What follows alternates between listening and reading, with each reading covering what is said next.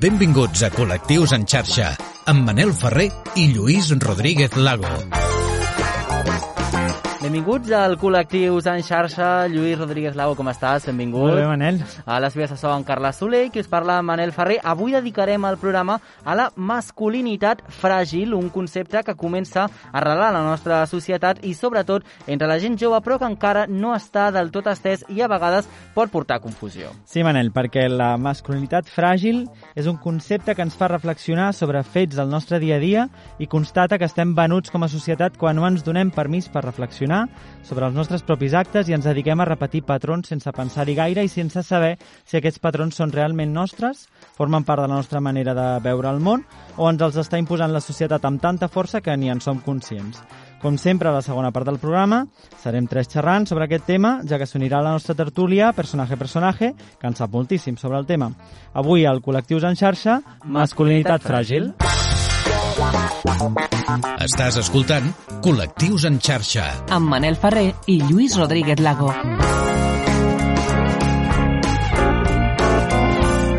I anem situant-nos eh, perquè volem que també doncs, ens acompanyeu en tot el recorregut que farem avui i ja intentarem definir el concepte uh -huh. de masculinitat fràgil, que de fet, Lluís, és la definició que nosaltres li donem, però lògicament és molt àmplia i segurament que a casa doncs, la podeu entendre completar. diferent. Per tant, nosaltres us donem una base i a partir d'aquí anem fent. Mm. Fixeu-vos que nosaltres ja diem comportaments relacionats o comportaments de masculinitat fràgil, no? Són els Mhm. que tenen relació amb la por o l'ansi- o l'ansietat de l'home a perdre la seva masculinitat com a conseqüència de les seves actuacions o les accions que faci en un moment determinat i tot el desplegament de creences i comportaments compensatoris que generin per superar aquesta por. Val? És a dir, la por no, a deixar de ser home per les actituds que té socialment és. Parlant. Molt bé. Aquests comportaments de la masculinitat fràgil estan molt lligats també al concepte de comportaments de masculinitat tòxica. Aquest uh últim és un concepte més antic d'entre els anys 80 i 90 i està relacionat amb aquells estereotips tradicionalment associats a l'home,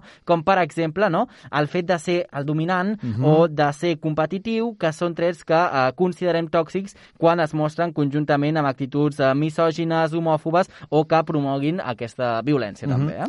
La masculinitat fràgil i els seus comportaments estan totalment contraposats al fet de mostrar afecte o de tenir cura d'un mateix quan s'és home. També s'allunyen del fet de fer introspecció o qualsevol treball de creixement personal o de conèixer a un mateix. En definitiva, aquest és un concepte que no té gens en compte la salut mental de l'home. Uh -huh.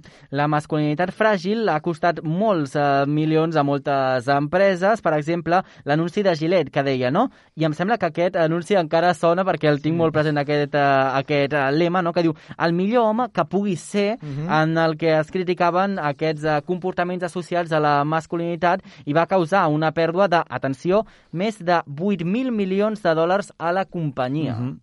Un altre exemple, el joc The Last of Us 2 no? ha generat crítiques i vídeos de YouTube amb el títol Aquest joc és una història d'odi contra l'home per ser home, tot perquè, entre d'altres, va tenir una protagonista femenina. Perquè els pols oposats també s'atreuen. Escolta Col·lectius en xarxa. I seguim ara amb alguna informació que dèiem parlant de la publicitat i d'altres coses I també. d'altres eh? coses també, sí. Avui parlem de conceptes, de comportaments i de construccions socials que semblen fets com molt abstractes i fins i tot superficials o llunyans, però en el fons, que ningú s'equivoqui. Mm. Estem parlant de com ensenyem a socialitzar els nostres nens, nens en masculí. Sí. Val? Això és molt i molt proper i molt del dia a dia i molt d'accions quotidianes que a poc a poc anirem comentant. Perquè no cal ser pare o mare per influir en el dia a dia d'un nen, podem ser tietes, tiets, cosins, poden ser fills d'amics, etc. Perquè quan normalitzem certes actituds violentes com a forma de relacionar-se amb els altres i les justifiquem, per exemple, dient que són coses de nens, estem disposant que hi ha coses que l'home del futur podrà fer pel sol fet, pel sol fet de ser home. No? Uh -huh. Com dèiem al principi del programa, aquesta por a perdre la masculinitat portarà els homes que tenen comportaments de masculinitat fràgil a invertir molt temps, dedicació i energia a validar, gairebé de forma constant la seva virilitat, la seva força, com són de valents, no? la seva potència sexual, les seves habilitats esportives o els seus èxits econòmics, i alhora els portarà a condemnar els altres homes a la mínima escletja de defalliment en qualsevol d'aquests comportaments que enumeràvem abans. No? Podríem recordar el, el programa que vam fer dels esports sí. i els insults que es donaven en el camp o, o, o l'esportista aquell que va, es va pintar les ungles de negre i uh -huh. també va rebre moltes crítiques. No?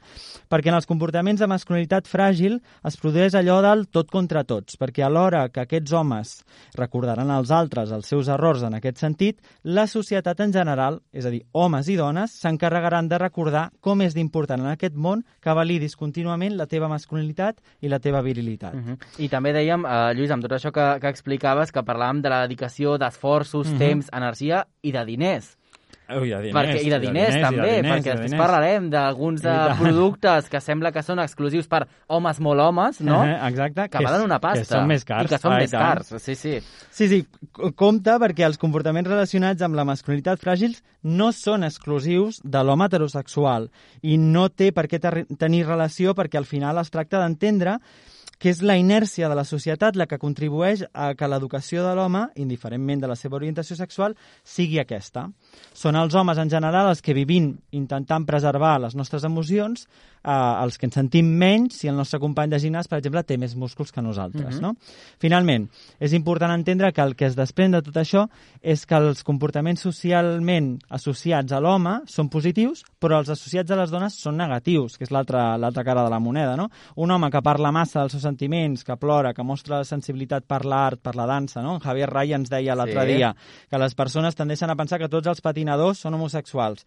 O un dels testimonis que vam escoltar també parlava de la relació de l'home amb la moda, no? per uh mhm. -huh. exemple. I, de fet, eh, Lluís, això, una cosa que diu molt als mestres, que m'agrada molt, això s'entén més fàcil amb exemples. Ah, això mateix. Doncs anem a posar alguns d'aquests exemples, exemples relacionats amb la masculinitat fràgil que hem eh, pogut trobar a les xarxes socials, que al final també doncs, és eh, un reflexe no? de la societat. -huh. aquestes xarxes, i també al món de la publicitat. I aquí tenim un tuit que té, té la seva xispa, perquè uh -huh. diu la masculinitat és tan fràgil que tienen que llamar Warpaint, és a dir, pintura de guerra a un corrector uh, d'ulls per homes, en aquest cas. Clar. Llavors diuen, clar, no estàs corregint la teva mirada, sinó que t'està fent més fort, no? Està, I t'està donant una mirada... de guerra, clar, Manel. Clar, clar, és la pintura sí, sí, de guerra. Sí, sí. I fixa't que el pot és negre... Sí, eh? les lletres així, no?, amb un gris... Evidentment diu for men, no, no hi ha color, cas. hi ha l'essència no, no, no, de color, no. posa clarament que és per l'home, no?, exacte, que és per, per a hombres, tal qual, eh? Aquests dies buscant vídeos i temes relacionats amb això, hem vist, per exemple, un vídeo d'un home que preferia canviar de camí, girar cua, sí? en lloc de pujar unes escales pintades amb els colors de, Sant Mar de l'art de Sant Martí. Uh -huh, no qual. volia trepitjar per allà,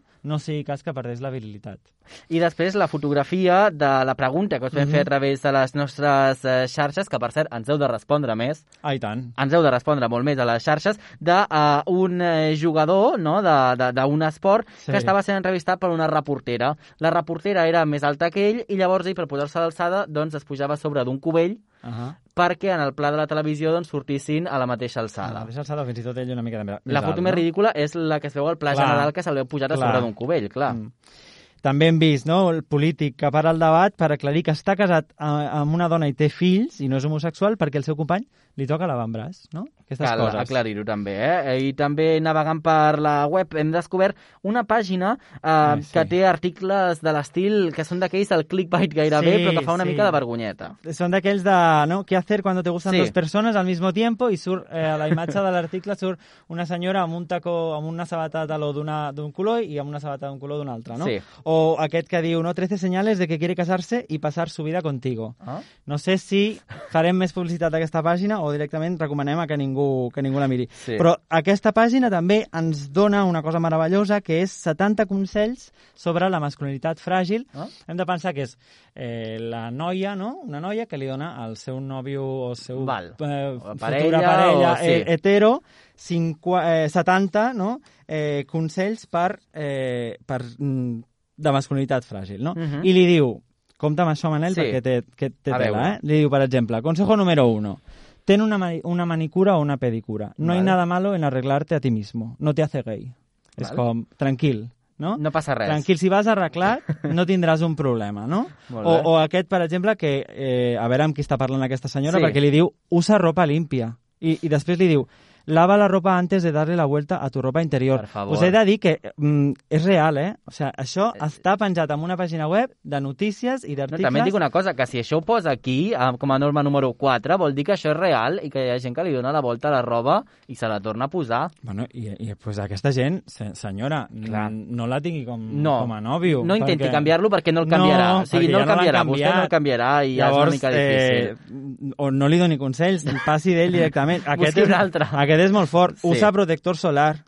Eh, no hay nada masculino en el cáncer de piel. Pues no. Amb molta Però- raó. Però, Però, clar, a, això els hi passa al- als nois joves. sí, Tres, imagina, tres nois joves van a la platja no s'han posat crema abans de sortir de casa. sí. Eh? Heteros. Sí, sí. No, no, i que tu els veus i van amb l'esquena vermella Clar, perquè no s'han posat crema. I perquè no vol que li posi l'amic, Sí, no sí, sigui sí, sí, cas sí. que pensi Clar. que eh, coses... Aquest, BBT. Jo aquest no l'havia pensat mai que A això veure. pogués anar eh, per aquí. Si quieres tomar bebidas calientes eh, que no sean café, bébete, ¿no? Mm, si quisieras un café con leche, digo aquí, sería igual de femenino. Ens aquesta quedem ja, una mica, sí, no? Sí. Tela, no?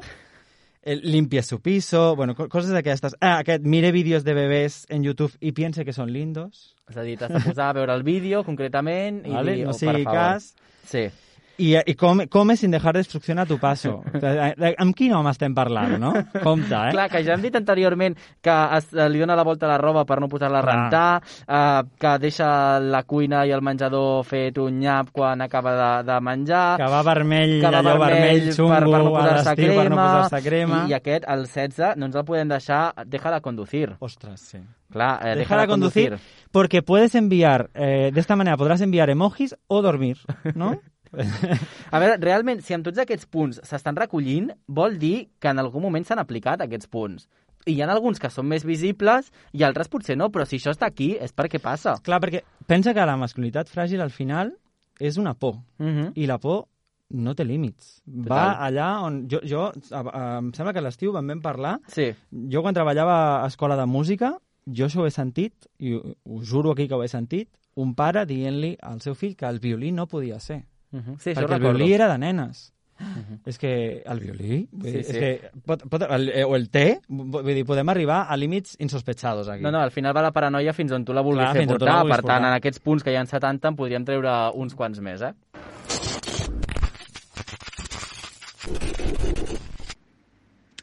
Hola, uh, volia compartir una anècdota que em va passar fa uns anys quan jo treballava de profe d'anglès i bé, aquell any recordo que tenia un grup d'adolescents eh, amb qui ens agradava molt fer activitats orals perquè bé, sempre hi havia molt de debat i, i els agradava molt portar temes que els interessaven i justament temes que en aquell moment els interessaven com, com nois i noies de 17 anys que, que eren en aquell moment doncs tenien a veure en molts casos amb el feminisme, amb temes LGTB, etc amb el qual jo, eh, evidentment, no m'hi posava i, i tot el contrari, tot el que fos parlar i debatir de forma oberta vaig pensar que era una molt bona oportunitat de, de fer classe, practicar um, l'anglès i, i, a més, uh, transmetre valors, que penso que és molt important.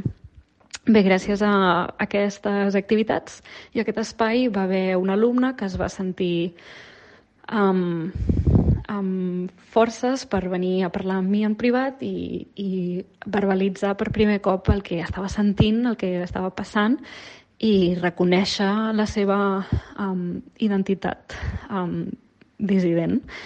Llavors, bueno, vam fer un treball personal que per mi va ser molt intens però molt maco. Alhora crec que va ser un, un camí molt gratificant. Um, la qüestió és que va arribar a final de curs um, i bé, va, van arribar les vacances i després de les vacances jo em vaig assabentar que um, certes companyes no havien tingut paraules massa agradables uh, cap a mi i que bé, el meu nom havia sortit en més d'una conversa per qüestionar la meva professionalitat perquè, segons deien, jo parlava de temes que no calia tractar a l'aula perquè, evidentment, hem d'estar invisibilitzats, no? Allò de pots, uh, pots ser el que vulguis, però fes-ho a casa. Um, i, I bé, perquè doncs, jo obertament havia parlat de la meva sexualitat amb altres companyes en, en horaris que no eren laborals i i bé, aquesta persona que va ser, va ser una persona en especial que, que havia parlat de mi, doncs ho havia escoltat i, i sembla que no li va agradar massa. Uh, passat un temps, de fet va passar més d'un any, i jo em vaig tallar el cabell molt i no va tenir cap mena de miraments per venir a parlar amb mi i a demanar-me que, sisplau, no em tornés a tallar el cabell perquè, segons ella, doncs, l'alumnat s'espantaria. Um, no entenc molt bé el motiu, però, vaja, deia que, que alguns pares es podien queixar i que, sisplau, no, no em tornés a tallar el cabell. Jo, ara que ho penso i ho reflexiono, veig que és un cas molt um, evident de LGTBI-fòbia i m'agrada dir que és LGTBI-fòbia perquè penso que no va ser només bifòbia o homofòbia o el que sigui, sinó que l'exemple del cabell és clarament d'una identitat um, dissident que no sabem com llegir, és un cos que no sabem interpretar perquè no és prototípicament femení ni masculí i i d'alguna manera va crear una reacció negativa sense que ella mateixa, penso, sabés que, mm, per què era, d'on venia i, i què li va fer reaccionar d'aquesta manera, no? I per tant penso que el, precisament això, que és un cas de LGTBI-fòbia, perquè no era només um, per motiu de dissidència sexual, diguem, sinó per, per la meva identitat en general. I bé, aquesta és l'anècdota la, que, que volia compartir. Segueix-nos a les xarxes. Busca'ns i recupera tots els nostres programes, imatges i vídeos exclusius. Col·lectius en xarxa, a Twitter, Instagram i a les principals plataformes de podcasting.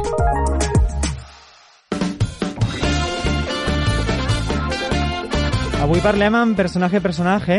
Es defineix o la defineixen com la psicòleg travesti, investigadora i artista i de la que ja vàrem parlar una miqueta sí. fa un temps quan vam tenir de convidat en Miguel Bosch perquè va van parlar de sèries i perquè ella va tenir un paper important a la sèrie Melrose Confinados. A més a més, participa de projectes molt interessants per apropar la dissidència sexual i els feminismes a nens i nenes a través, per exemple, de lectures. Uh Mhm. -huh. Què tal? Hola. Hola. Finalmente les escucho. Qué ganas tenía ya de estar aquí. Qué bien.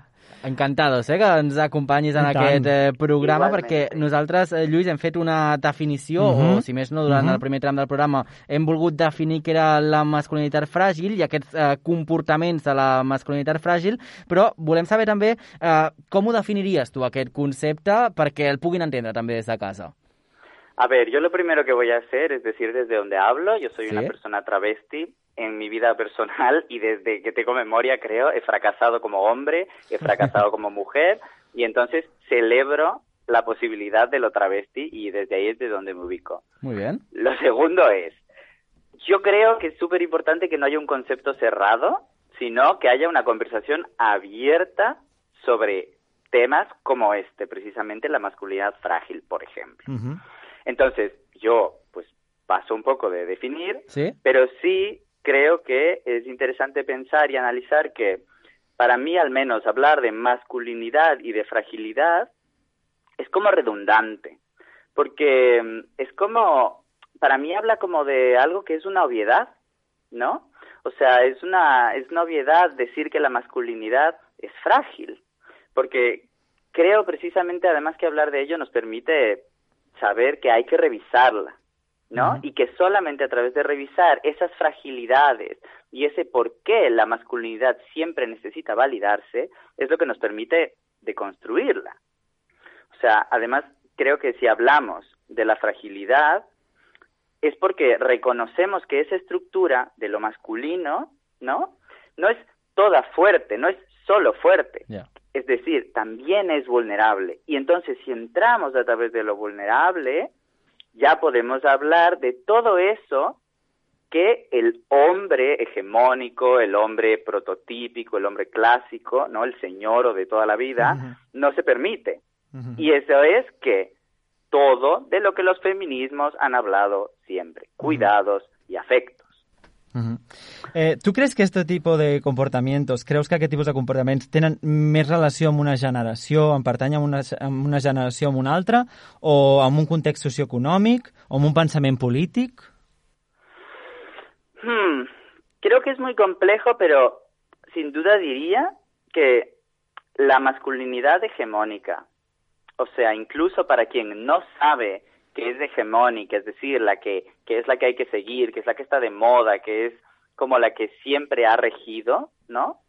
Eh, esa masculinidad siempre es opcional y es multifactorial. Tiene que ver con nuestra generación, tiene que ver con lo que heredamos de múltiples generaciones, tiene que ver con una elección voluntaria y lo maravilloso además es que esa masculinidad, como muchos otros constructos culturales, es mortal. Ahora, ¿qué quiero decir? Por un lado, es mortal porque se puede dejar morir, podemos dejar que pase y podemos construir cosas que apelen más precisamente a lo equitativo, a la autocrítica, ¿no? Pero al mismo tiempo el decir que es mortal quiere decir que es lo que mata. La masculinidad es parte de la estructura que mata, que mata a personas trans, que mata mujeres, que mata hombres también. Home, jo el que et volia preguntar, també amb això que ens deies i també doncs, uh, cap a on van aquestes noves generacions, no? aquesta uh, nova masculinitat, per així dir-ho, perquè nosaltres l'objectiu d'aquest programa al final, Lluís, és creure mm. que alguna cosa està canviant cap a millor o que està canviant. Mm. No sé si coincideixes amb nosaltres, que les noves generacions ja tenen una altra manera de pensar i, i són potser una mica més encaminat uh, cap a l'ideal. Hmm, a mí me gusta pensar que sin duda las nuevas generaciones tienen otras formas de pensar, pero espero que las viejas generaciones ya presentes, aún presentes, también tienen otras. O sea que lo interesante de esto es que desordenen las estructuras en las que ya no cabemos, las que nos hacen el mundo como súper pequeño y que no permiten la amplitud de formas de existencia que hay en la humanidad y en la transhumanidad también, eh, existir, vivir. O sea, creo que lo interesante es que precisamente esta, estos desórdenes nos permitan pues politizarnos, llegar a la autocrítica, a la escucha, a dudar de los conceptos cerrados, a preguntarnos más cosas, a eso, a la conversación abierta. I eh, qui creus que salva a l'home de tota aquesta voràgine de missatges que, que arriben perquè reafirmi aquesta virilitat? A mí me encanta esta pregunta, me fascina, porque ¿sabes quién salva al hombre? Nadie, nadie. Y lo maravilloso de eso es que ya se acabó esta idea de que al hombre, al niño, al señor de toda la vida, hay que tenerle entre algodones y siempre satisfecho. Se acabó. Pues no, mi amor, tan machito eres, pues a ver si en vez de ser machito, te pones de pie con tus propios pies y con tus propias manos y eso, eres autocrítico. Eso, cuestionas los lugares de privilegio que has tenido siempre y te das cuenta de que es estructural. Eso, te vulnerabilizas. Eso, construyes equidad. Eso, escuchas. A ver si te enteras y decides por fin enterarte de los discursos del feminismo y de la disidencia sexual. O sea, que nadie salve al hombre. Que dejemos al hombre ahí a ver si se levanta solo, porque eso es lo que es importante. Totalment, estem molt, molt d'acord amb el que ens estaves dient. També fem referència uh, en el programa i també per conèixer la teva uh, opinió sobre tot el negoci, el món de la publicitat que engloba aquesta masculinitat uh, fràgil que de moment ara mou encara molts diners i, i, i inclús hem posat exemples d'empreses que han tingut pèrdues milionàries per culpa d'anar uh, una mica um, en contra del que hauria de ser, és a dir, recolzant encara doncs, aquest eh, ser home molt home, no? Hmm, pues es que yo creo que, claro, quien me escucha igual puede pensar que yo creo que hay que acabar con la masculinidad y que las nuevas masculinidades no son nada. No, no, no, no, no. Es lo contrario. O sea, yo creo que es muy importante que estos cuestionamientos tengan espacio, que las nuevas masculinidades tengan espacio, pero que es muy peligroso, y si no peligroso, al menos una pérdida de tiempo para quienes tenemos otras cosas que hacer, que ya no salvar a los hombres, ¿no? Son, creo que son muy peligrosas porque si tienen un lugar en el mercado, ¿no? Eh, no se van a cuestionar. Simplemente es como una readecuación de lo que es ser hombre para actualizar algunas cositas y que los lugares de privilegio se sigan manteniendo. O sea, lo que puede pasar con las nuevas masculinidades que tienen un mercado o con ese mercado de las nuevas masculinidades es que la nueva masculinidad sea la masculinidad de toda la vida. Eh, tu, tu, jo t'he sentit a parlar de, de que el capitalisme salvatge està com molt renyit amb, amb, amb això, de, amb, amb les noves masculinitats o amb aquesta revolució dels efectes. Ens pots explicar una miqueta això? Sí, es, o sea, siempre es un poco contradictorio o paradójico decirlo porque el gran problema del capitalismo, o uno de ellos, de repente yo experta, pero no, yo crítica, eso sí, eh, uno de los grandes problemas que tiene el capitalismo es que el capitalismo está reñido con nada. ¿Pero qué quiero decir? Quiero decir que el capitalismo no tiene principios. El capitalismo genera producto, crea necesidad, construye, delimita para quien lo puede pagar, para donde hay mercado, construye mercado donde sea que haya una oportunidad de generar capital. Entonces, le da igual adecuarse a los unos, por eso les vende las armas a los unos y las medicinas a los otros, o las armas a los dos bandos. O sea, el capitalismo no tiene principios y ese es el peligro, que de repente se adecue a cosas que supuestamente apoya, como el feminismo, las camisetas que dicen soy feminista, pero que tienen mujeres en barcos cosiendo en aguas internacionales para precisamente seguir oprimiéndolas fuera de la ley, pues es que esto no es feminismo, esto es capitalismo. No? Estem mo molt d'acord eh, amb el que eh, ens explicava, se'ns acaba gairebé el temps, però Lluís, podríem estar Sí, estona i estona déu-n'hi-do. parlant eh, sobre Sí. aquest tema i segurament ho acabarem tornant a fer en les següents eh, entregues. Gràcies per haver estat amb nosaltres i també per fer-nos aquestes reflexions que a més ha fet falta que parléssim molt poc nosaltres, Sí. Lluís, i ens ho ha sonat tot eh, molt fàcil i això també doncs, eh, va d'això aquest programa. i Eh? tant, i tant. Moltes gràcies. Muchísimas gracias. gracias por llamarme. Adeu. Que vagi molt bé. Adeu. Marxarem amb música. Sí. Avui marxem amb... Fes-ho bé, fes-ho bonic ara, perquè clar, és Pol Grange. Ja. Sempre ho Hauria fas bonic, però ara ho has de fer molt més bonic que sempre. Vinga, va. Doncs, a més, és Pol Grange acompanyat de Marc Seguí, Sí? és una cançó que es diu Tiroteo. Tu te'l po- tu te'l creus, en Pol? Jo me'l crec, el Tu te'l Pol. creus? Sí, jo me'l crec, me'l crec. jo també me'l crec, crec, molt. va, ens el I M'agrada creurem. molt aquesta cançó. I a més és que eh, aquesta cançó diu no, que se corta el pelo i se compra otro tinte. I a mi m'ha agradat molt, Molt bé. això perquè penso, bueno, pues va, va un poco de esto, no? El Molt bé, que hem fet avui. doncs sí, sí, i d'això va.